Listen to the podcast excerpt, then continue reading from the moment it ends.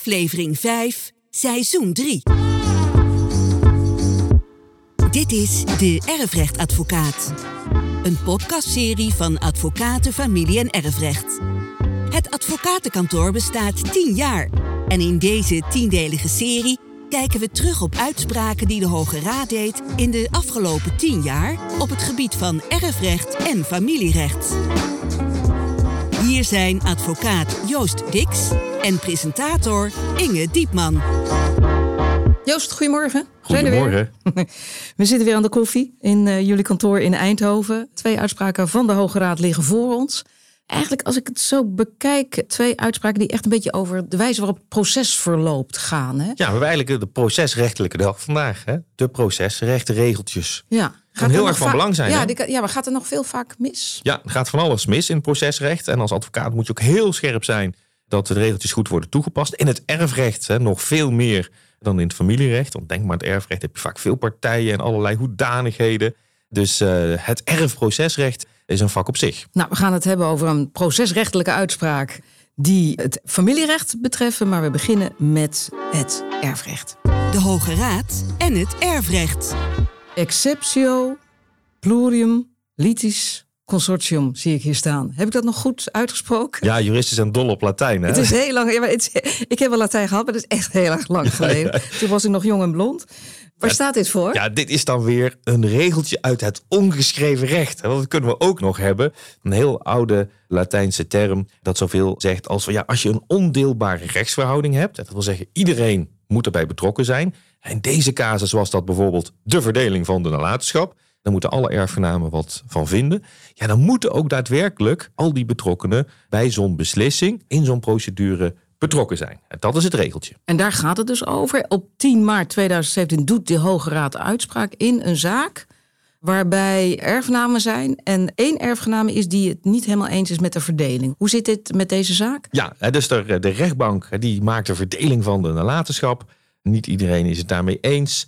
Daar wordt dan in hoger beroep gegaan. Ze komen bij het hof. En dan worden niet alle partijen gedagvaard in hoger beroep. Dus er zijn maar een beperkt aantal erfgenamen bij aanwezig. Ja, en toen kwam eigenlijk de vraag op. Is de kans nou eigenlijk verkeken? Gezien die exceptio, want iedereen moet betrokken zijn. Dus is de kans verkeken? Kan het Hof deze procedure helemaal niet meer voortzetten? En moeten we dus doen met de uitspraak van de rechtbank? Komt het vaak voor dat men dat vergeet? Dat Nou je ja. dus alle erfgenamen erbij zijn- moet halen? Er zijn best wel wat uitspraken bekend. En zowel in dagvaardingsprocedures, waar we het nu in hebben, als in verzoekschriftprocedures. Dat procederende partijen zich er niet altijd van bewust zijn wie er allemaal in de procedure betrokken moeten worden. Ja, dat komt wel heel vaak voor. En soms wil je ook bepaalde mensen er liever niet bij hebben. Ja, ja, Dat is ja. dan juist en, moet- en die moeten dan soms toch gedagvaard worden. Maar dat is in dit geval dus niet gebeurd. Nee, dat en dan is niet. heb je dus eigenlijk geen casus? Nou ja, dan was voor deze uitspraak in ieder geval het regeltje. Goh, kijk, als je bij de rechtbank aan het dagvaarden bent, dan kun je al nog altijd zeggen van, weet je wat ik doe?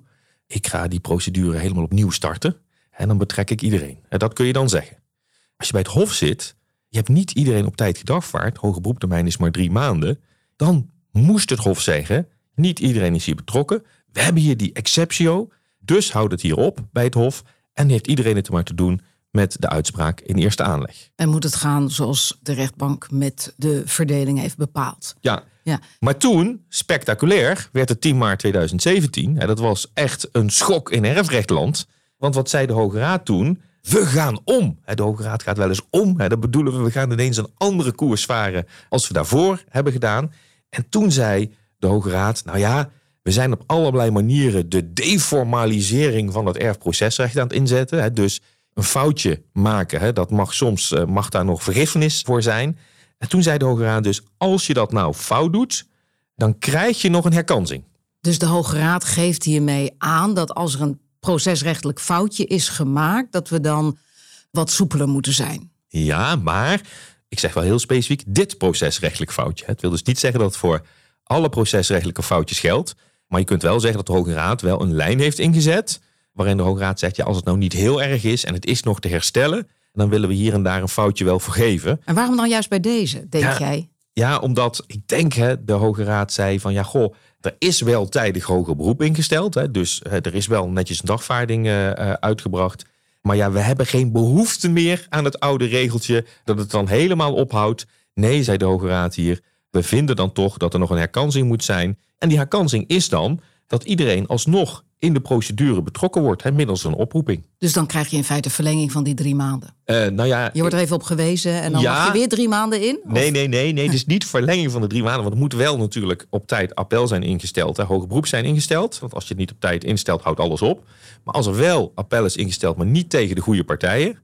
Dan kan het Hof in een beslissing zeggen. Meestal zeggen ze dan: Goh, je hebt nu 14 dagen de tijd om alsnog die andere partijen te betrekken. Doe je dat dan vervolgens niet, ja, dan is het alsnog je kans verkeken. Dus die drie maanden blijft wel staan? Ja, die moet wel op tijd zijn binnen die drie maanden. Hè. En je krijgt een herkansing van het Hof. Je moet binnen die herkansing moet je er wel bij zijn.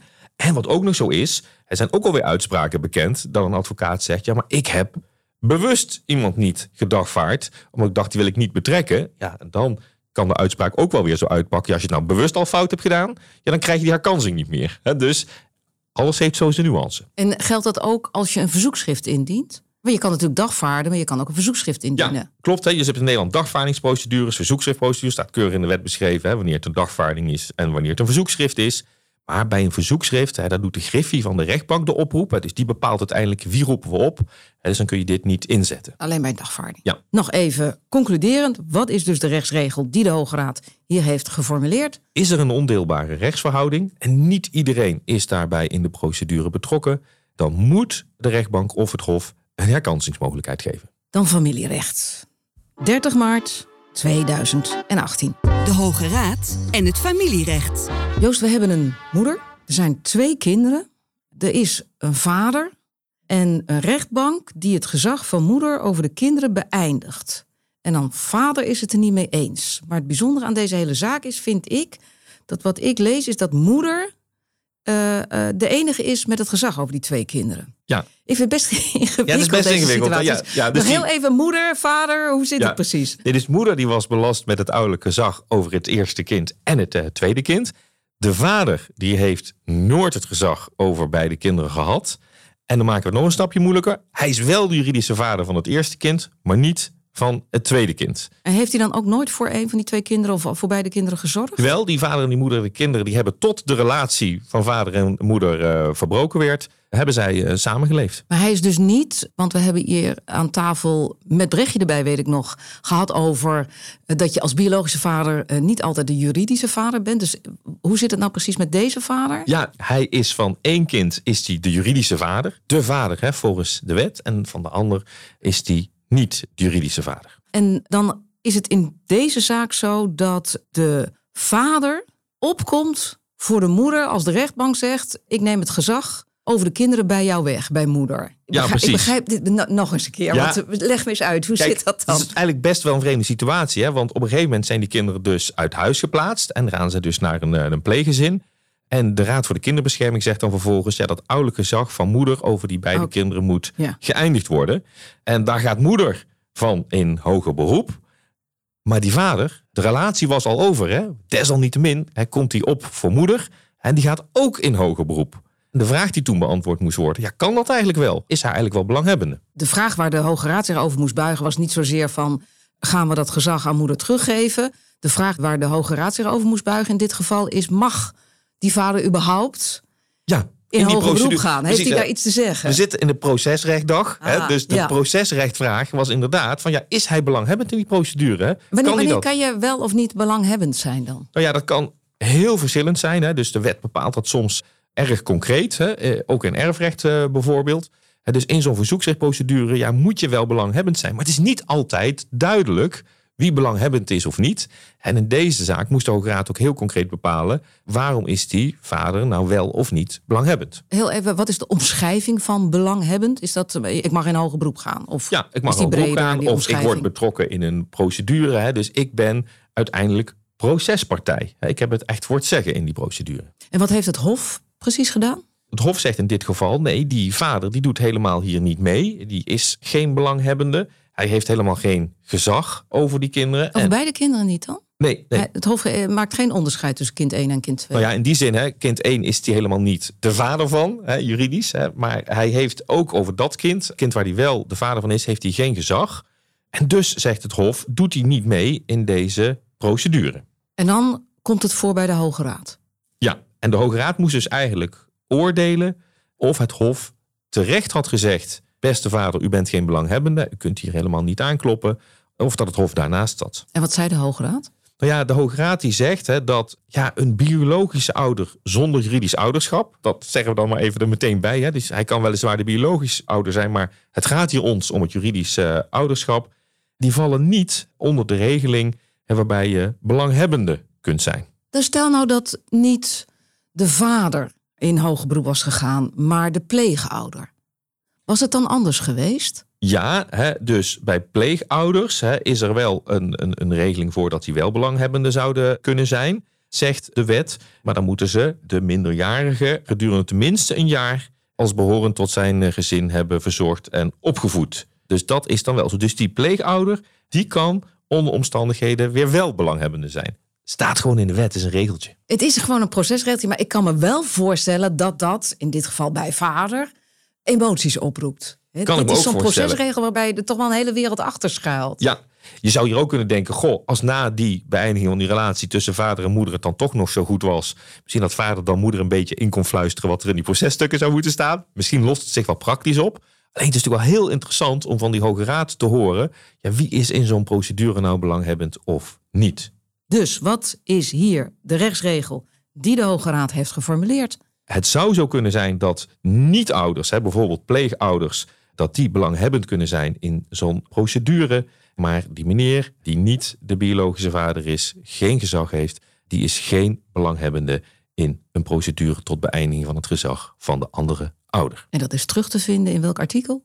Ja, dit. eh, Ja, ik ga je even overhoren, Joost. ja, ja, Af en toe nou vind ik het wel leuk om te kijken of ja, je het hele wetboek uit je hoofd kent.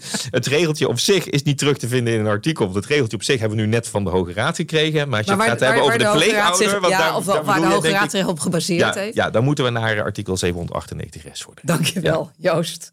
Dankjewel ook weer voor alle kennis die je hebt tentoongesteld in je eigen kantoor voor de podcastmicrofoon van eh, deze mooie serie. Tot de volgende keer. Tot de volgende keer. Dit was de Erfrechtadvocaat. Voor wie niet alleen wil luisteren, maar ook wil lezen over familie- en erfrecht, gaat naar familie-erfrecht.nl, de website van Advocaten Familie- en Erfrecht. Daar is ook alle informatie te vinden over het inschakelen van een erfrecht- of familierechtadvocaat. Mocht u willen reageren op deze podcast, stuur dan een e-mail naar info@familie-erfrecht.nl.